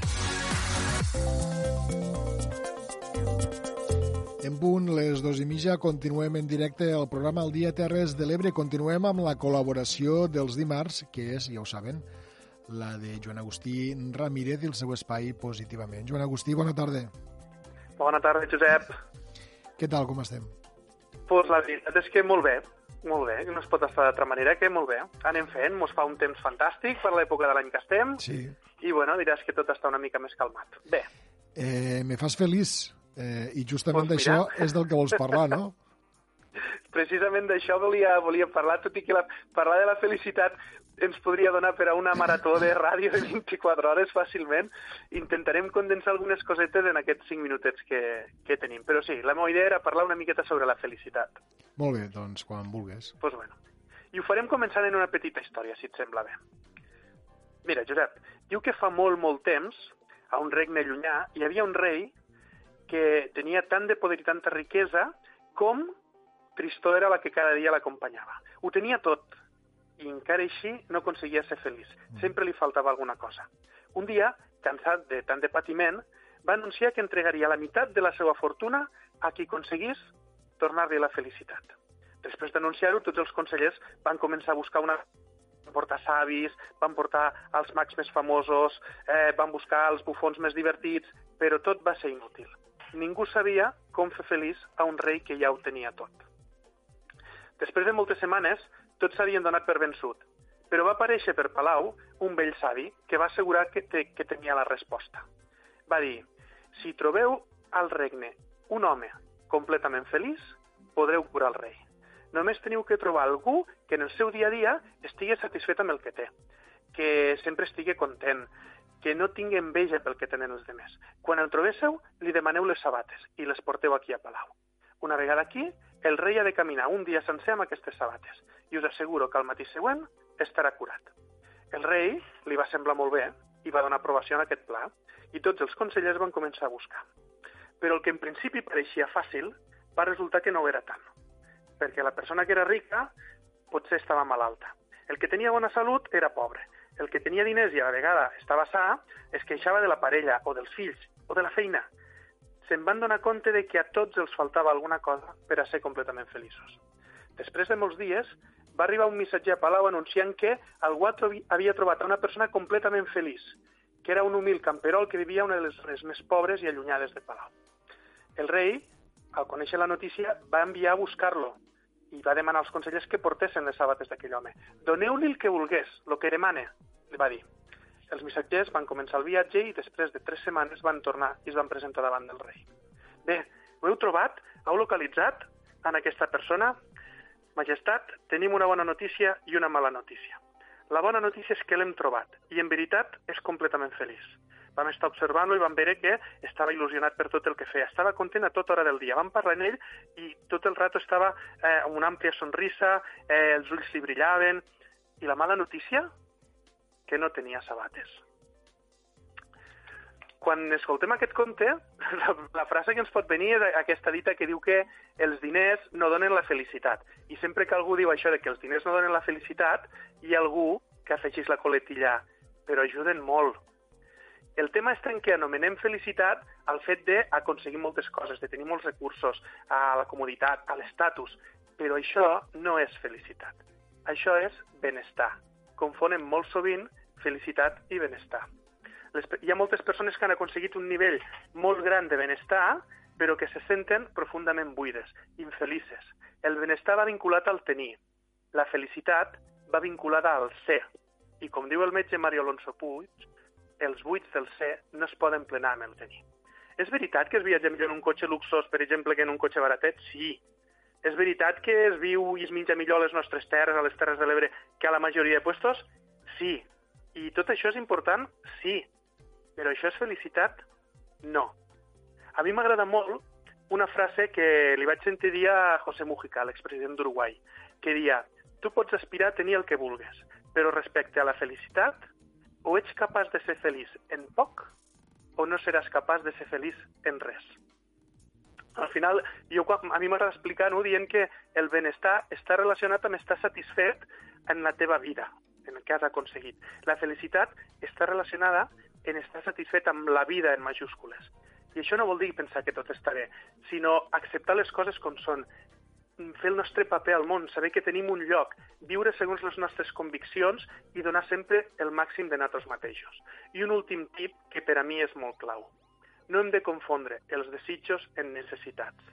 Avui dia ens hem convertit en esclaus del que creiem que necessitem i sempre estem preocupats per aconseguir més i més i més i més.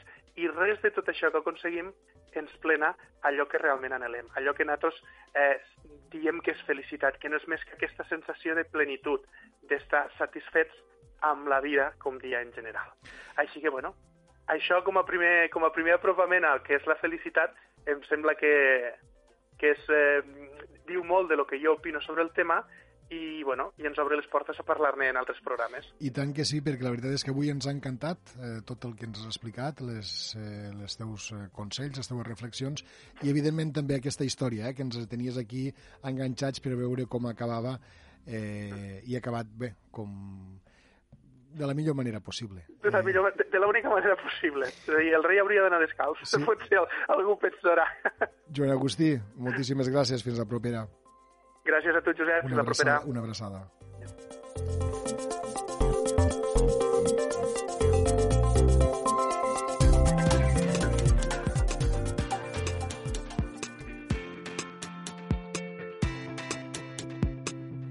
Continuem avançant. El Departament de Presidència impulsa l'execució de polítiques transversals del govern, però bàsicament gestiona les relacions amb el món local, amb els ajuntaments, les diputacions, consells comarcals i entitats municipals descentralitzades. En la següent entrevista repassem les principals línies d'actuació d'aquest departament a les nostres comarques, ja que tenim a l'altra banda del fil telefònic a la senyora Rosa Page, que és directora territorial de Presidència. Senyora Page, bon dia. Hola, bon dia. La senyora Rosa Page és directora territorial del Departament de Presidència.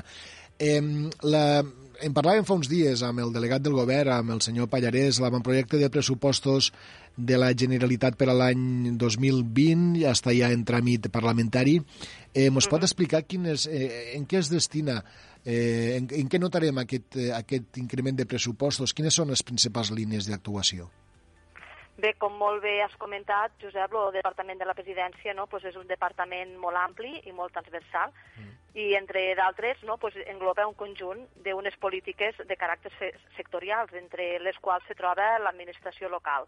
En l'avantprojecte del pressupost de la Generalitat per a l'any 2020, eh, més de la meitat del pressupost per a les polítiques sectorials va destinat al món local i mm. concretament a la Secretaria d'Administracions Locals i de Relacions amb l'Aran que registra un increment del pressupost respecte a l'any 2017 en 21,3 milions i passa a situar-se en 196 milions d'euros per a fer pues, aquelles polítiques destinades a l'administració local i sobretot eh, amb un compromís estratègic amb, amb els nostres ajuntaments perquè creiem des del govern que només junts pues, som capaços de, de liderar les transformacions necessàries i combatre el despoblament. Mm. És eh, segurament un dels, dels problemes. Ara ho veiem també en algun, en algun diari avui mateix, en, en algun diari a la portada. Eh, un dels objectius, com vostè diu, del departament és combatre este despoblament i, de fet, s'han posat en marxa diverses línies d'actuació no? Mm, que, que ens agradaria comentar, com ara l'estratègia País Viu o el mateix programa de dinamització territorial. Uh -huh. Així és. Eh, des, de, des del govern, un dels nostres objectius és garantir que tothom, visco on visco, tingui les mateixes oportunitats per a desenvolupar per el seu projecte de vida, no?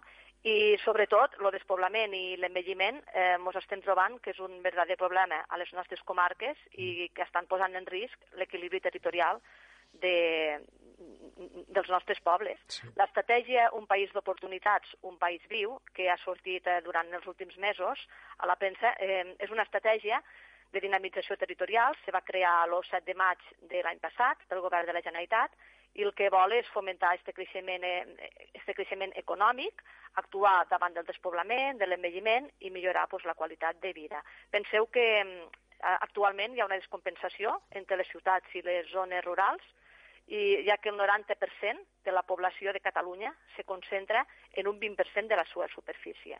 Clar, nosaltres el que volem és treballar per un país sostenible i aquestes dades ens demostren que això no ho és.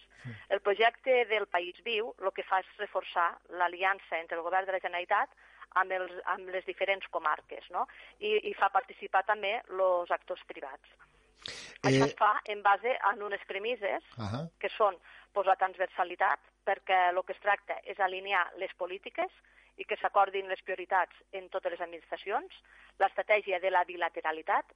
Aquí eh, el govern ha de mantenir una relació bilateral amb el territori i fer que aquesta sigui estable i permanent i la singularitat, perquè el repte que tenim conjuntament és configurar les polítiques des de la singularitat que té cada comarca. Eh, M'agradaria parlar també de, del món local, ja que eh, tot allò relacionat amb, amb les diverses línies de finançament del, del món local són, sens dubte, eh, allò que els ajuntaments podem dir esperen en candeletes. Eh? Ens estem -huh. referint al Pla Únic d'Obres i Serveis de Catalunya, el PUOSC, però també altres fons, com el Fons de Cooperació Local, les compensacions per a càrrecs electes, els ajuts eh, dels fons europeus, els coneguts FEDER. Eh, ja sé que és molt difícil que em pugui parlar de tot això en pocs minuts, però bueno, és una mica, eh, segurament, la, la part mm, o de les parts més destacades del seu departament. Sí, sí, efectivament. No solament hem tret a, aquest any passat les subvencions per a la dinamització territorial, que es van resoldre el mes de desembre i van atorgar un milió de subvencions a les nostres comarques per a fer projectes d'inversió en connectivitat i millores pues, d'equipaments, mm. sinó que també tenim el Pla Únic d'Obres i Serveis, el PUOSC, que actualment estem valorant les sol·licituds que ens han entrat a les Terres de l'Ebre. Val a dir que el PUOS, que és una, és una iniciativa molt esperada al territori, perquè recordeu que des de l'any 2011-2012, que no hi havia hagut cap més convocatòria, sí. sobretot per la crisi econòmica, i este pla pues, està dotat en 250 milions d'euros, 2020-2024, i eh, eh, els nostres ajuntaments, los, les comarques, les entitats municipals descentralitzades podran demanar no, eh, inversions en, en infraestructures, equipaments o serveis de, de competència municipal. Mm. Aquí a les Terres de l'Ebre ens han entrat eh, 180 sol·licituds que corresponen a 116 projectes. Això és així perquè molts dels municipis petits han optat per a demanar el mateix projecte a les dues línies, ja que per una línia ells poden optar fins a 250.000 euros per, per, per, per projecte i a l'altra línia poden optar fins a 120.000 euros. Hi ha una línia destinada a tots els municipis de Catalunya i hi ha una altra línia per a destinades expressament als municipis petits, de menys de 5.000 habitants, perquè, com sabeu, són els que tenen més dificultats per a accedir a les inversions. Nosaltres estem, des dels serveis territorials, estem molt contents perquè gràcies a la tasca d'acompanyament que han fet, pues, podem dir que el 100% de, de les nostres entitats locals han concorregut al PUOSC. Mm. Ara, en aquests moments, estem valorant les sol·licituds eh, que ens han entrat, eh, ja li dic, eh, des d'espais polivalents, centres culturals, eh, millora en els equipaments esportius, en la millora dels carrers, eh, reforma en els edificis per a fer centres de dia, albergs municipals, en resum, totes aquelles coses no? que, que, sempre, que sempre desitgem i que milloraran la nostra capacitat econòmica i combatran el, el, el, el, despoblament. Sens dubte, la, com dèiem, tots els ajuntaments esperen, com dèiem, a poder fer aquestes inversions que d'altra manera no es podrien fer si no és a través de la subvenció del PUOS, del Pla Únic d'Obres i Serveis mm. de Catalunya. Tindrem ocasió, senyora Peix, de seguir com van aquests projectes i també de parlar d'altres qüestions, eh, però ara se'ns ha tirat el temps a sobre. Li agraïm moltíssim que avui hagi atès la nostra trucada i això, l'encoratgem a que continuen en la línia de la feina que estan duent a terme. Doncs molt bé, moltes gràcies a vostès.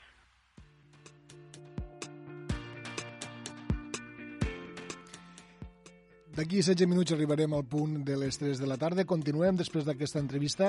Passem, en aquest cas, a una altra secció, eh, la d'educació.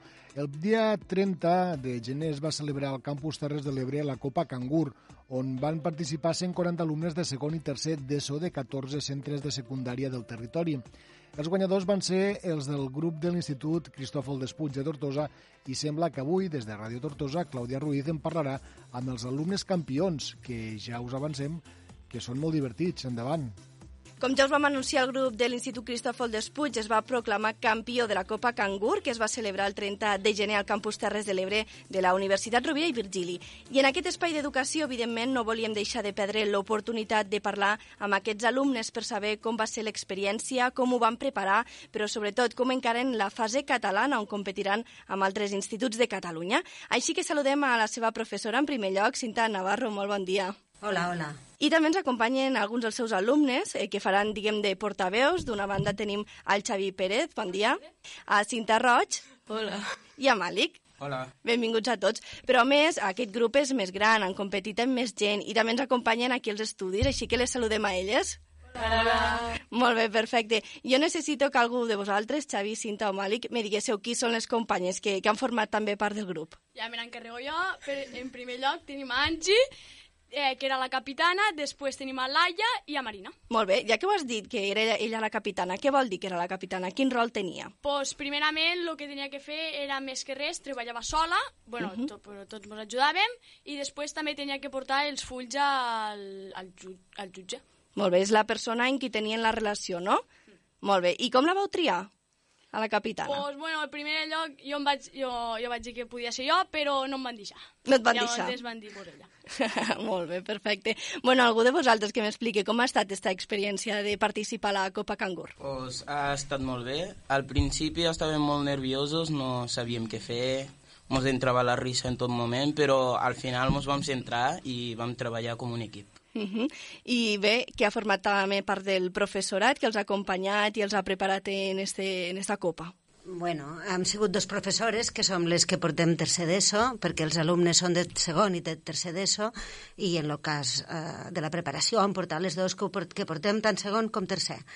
I, i bueno, nosaltres ha sigut una mica guiar-los i una mica ajudar-los una mica, però ells sols ho han fet tot. Mm, perquè de l'institut ha sigut l'únic grup que ha participat? Enguany només ens han deixat participar en un. A tres anys sempre anàvem en dos grups. Uh -huh. Però es veu que enguany, com hi havia molta gent i això, doncs van restringir una mica. I potser ens vam apuntar una mica tard, vam pagar una mica tard i això va fer que mm, no ens deixessin més que un. Uh -huh. Però sempre havíem participat en dos. Ja en vam parlar, de fet, en una altra entrevista del que era la Copa Cangur, vos van presentar eh, 12 problemes. No sé si en recordeu algun d'especialment i que puguem donar d'exemple perquè la gent que mos escolta es faci una idea del que vau haver de resoldre.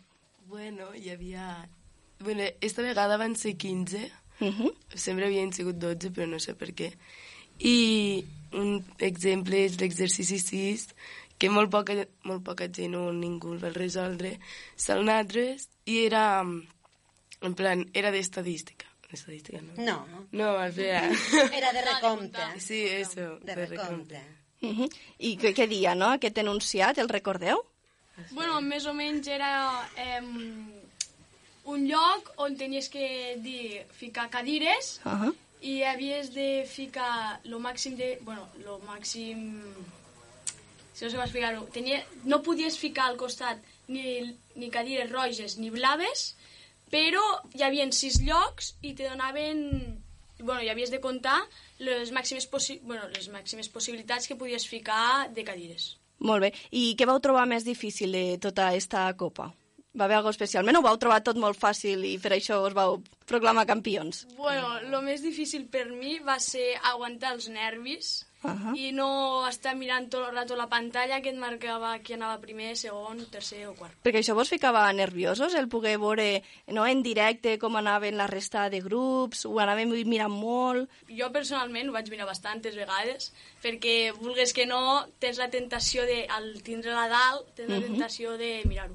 I això vos va fer triar alguna estratègia en concret? Bueno, en un principi sí, perquè tenia, també et marcaven els problemes que no havia fet ningú, uh -huh. llavors te picaven una miqueta per a que els intentessis. I ho vau fer vosaltres, això? Quina estratègia vau triar, eh, en aquest cas? D'estratègia, bàsicament, no en vam tindre cap. Es va sortir una miqueta tot natural, però eh, una miqueta sí perquè vulgues que no, organitzar-nos tots els problemes i sapiguer com fer-los eh, també se necessita una miqueta d'estratègia. Mm -hmm. I no sé si havíeu participat mai en una prova com esta.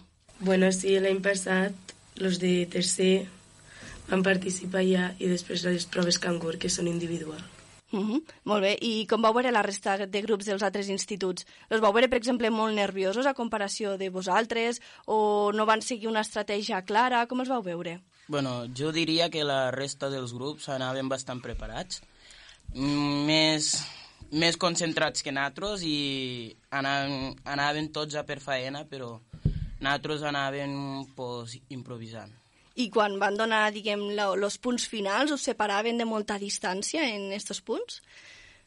Bueno, és que els últims cinc minuts van apagar les pantalles, ah. llavors volgués que no, no se sabia, i després ens van treure fora de la sala i al final van dir en tercer lloc, trobo que van, no sé què van ser, segon la tenificació d'Amposta i després vam quedar nosaltres. Molt bé. Eh, de fet, l'objectiu d'aquesta copa és motivar no, a l'alumnat en l'àmbit de les ciències. Eh, com a professora, Cinta, creus que està assolit aquest objectiu? Mm, bueno, eh, això és el que sempre intentem, el que passa que estos en concret jo penso que venen motivats de, de casa, solets, eh? vull dir, això ja ho veus, vull dir, mm, quan arriben a primer, ja quan participen a la, a la copa, ah, no a la copa, a la prova cangur, i en seguida destaquen. I després, quan els hi proposes una cosa així, són ells mateixos qui, qui s'apunten. Vull dir, que motivar-los, claro, claro que els motiva, los motiva a més, no? Però, a veure, és, jo penso que són xiquets que ja els agrada això. I el fet de presentar-se, per tant, és totalment voluntari o de fer algun tipus de no, selecció? No, totalment voluntari, totalment voluntari. El que passa que tampoc no ho demana un xiquet que no li agraden les mates. I també el que t'he de dir és que és que enguany és el cinquè any que participem a la Copa Cangur, a l'institut, i és la segona vegada que quedem primers. I les altres totes hem quedat segon o tercer. Molt bé. Vull dir, i jo penso que l'estratègia ja l'has vist. L'estratègia és que són xiquets molt alegres, que van anar allí a xalar, a passar-se-ho bé, i això és el que van fer, i de sobte van dir, van veure, ah, ah, mos hem de moure, i es van moure i van fer, i van fer uh -huh. superbé. Clar, és que a mi tenia este dubte. Si tots vosaltres anaven tan ben preparats, eh, com és que vosaltres al final vau obtindre la major puntuació? Què creieu que vau aconseguir? Pues la veritat és que no ho sé. Però...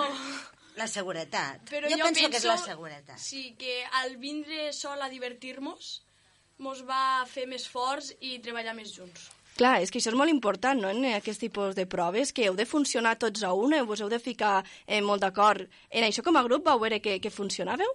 Jo penso que sí, perquè si et donaves compte eh, abans de començar i que et diguessin les normes, tots estaven molt junts i, i preparant l'estratègia i en canvi nosaltres estàvem dient bromes i xalant. Molt bé. Bé, pedagògicament, Cinta, eh, com els beneficia aquests alumnes que participen en aquest tipus de proves? Els beneficia, per suposat, perquè s'enfronten a coses, s'enfronten a situacions i es fiquen a, a, a tiro de, de, de que els hi facin preguntes, no? Vull dir, i això jo penso que és magnífic. Los mm. hi dona pues, los hi dona moltes coses. I el saber I, treballar en grup. Eh, exacte, exacte, per supost, treballar junts i cooperar i ajudar-se i, i, i tot això. I per a nosaltres, per als profes, pues, ojalà.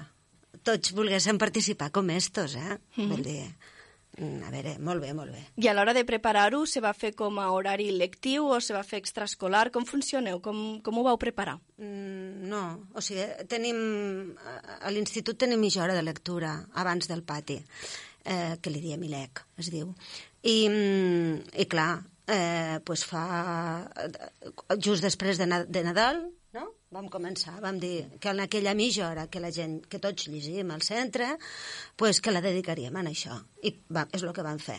Mm? És el que van fer. Com ho prepareu? A través de problemes d'altres competicions? Claro, claro. O sigui, se mira els problemes dels altres anys uh -huh. i se'ls eh, se dona algun problema per a que ells faiguen, van estar treballant uns dies, després vam estar dirigint-los una mica, no? Què passava quan passava això, què passava, que se'n donessin compte, recordar-los co recordar i coses que ells saben, que ells saben però que, que no, que no, no se'n recorden. I llavors, això és el que fem el professorat, no? Uh -huh. O sigui, di, ens, en, fer, fer que se'n donin compte de les petites coses que, que, que donen lo, la solució del problema. Uh -huh. Ara heu competit amb instituts d'aquí de les Terres de l'Ebre i el com heu guanyat, ara anireu a la fase catalana, com hem dit, amb altres instituts de Catalunya que han passat aquestes fases. Eh, suposo que ja esteu treballant no, en aquestes mitges hores per preparar. Com ho esteu fent? De la mateixa manera que abans o una miqueta més intensament? No, no. Igual, igual, exactament. Perquè l'altra vegada ells diuen que no volien quedar els últims, van lluitar per no quedar els últims. I ara és el que anem a fer una altra vegada. No anem a quedar els últims i a veure què passarà. I eh? suposo que també l'objectiu de guanyar, no? Espero. Claro. no queda els últims i al final què passarà? Doncs pues no ho sabem. Jo crec que... I el passar-s'ho bé, que és el que han dit ells. Eh, no sé si ja assistireu amb més alumnes o familiars que us acompanyaran. Ho teniu ja previst, això? Bueno, el, el problema és que és a Montmeló. Uh -huh. Montmeló mos separa 200 i, i algo quilòmetres. Llavors, allò comença a les 9 i quart del matí los familiars és un dijous, tothom treballa, tot està molt complicat. Uh -huh. I llavors mm, segurament nosaltres anirem en tren. Anirem en tren, ens aixecarem, agafarem el tren a les 6 per arribar, després d'agafar dos trens, arribar a Montmeló, uh -huh. a les 9. Clar, potser una demanda podria ser no, un altre any que ho fessin en dissabte, que poguessin acompanyar-los. Exacte. I que fora un lloc més cèntric, que no tinguéssim que agafar dos trens, els que, tenim que, anar, els que venim de províncies. No? Molt bé. Doncs pues des d'aquí de la ràdio fem esta Exacte. demanda, nosaltres. bé, explica'm, Cita, quines altres activitats també organitzeu des del centre per fomentar justament eh, les ciències entre els alumnes? Hi ha altres activitats que, que feu? Per supòs, o sigui, en, al, al centre se participa en, en schools, en lo del mobile, mobile, eh, mm, activitats STEM, interdisciplinàries, entre diferents... Eh, moltíssimes coses, des de, des de tots els àmbits. A, a veure, avui en dia els xiquets estan bombardejats per coses extra, no?, extra de lo, de lo típic, no? de lo clàssic, de lo que és l'estudi, eh, no? Vull dir, contínuament estem fent coses. Molt bé. Doncs per acabar aquesta entrevista m'agradaria que els estudiants que esteu aquí em diguessin, eh, un cop acabeu la, la secundària, què us agradaria estudiar? Està relacionat amb les ciències o amb les matemàtiques? A veure, jo, jo de moment no ho sé, però molt possiblement eh, sí que estigui bastant relacionat amb les matemàtiques, ja que se'm donen prou bé. Uh -huh. Com ho veus, Cinta? Bueno, jo encara no ho sé, però el que sí que tinc segur és que aniré al batxillerat científic. Molt bé, això ja és un camí, eh? Tindreu clar abans, està molt bé. I Malik? Bueno, jo más o menos ja ho tinc bastant clar i pues, de, de gran m'agradaria fer una carrera de mates. Molt bé, doncs bé, que tots estan ben encaminats. La resta de noies ho tenen clar, també les que esteu per aquí? Sí, sí. També pel científic, per tant? Sí. Molt bé, doncs ja veiem que funciona de meravella, aquestes copes cangurs. Doncs moltes gràcies a tots per assistir i explicar com ha estat aquesta gran experiència i des d'aquí a Radio Tots Dos us desitgem molta sort i que aneu a per totes en aquesta fase catalana. Gràcies a tots. A vosaltres. Adéu.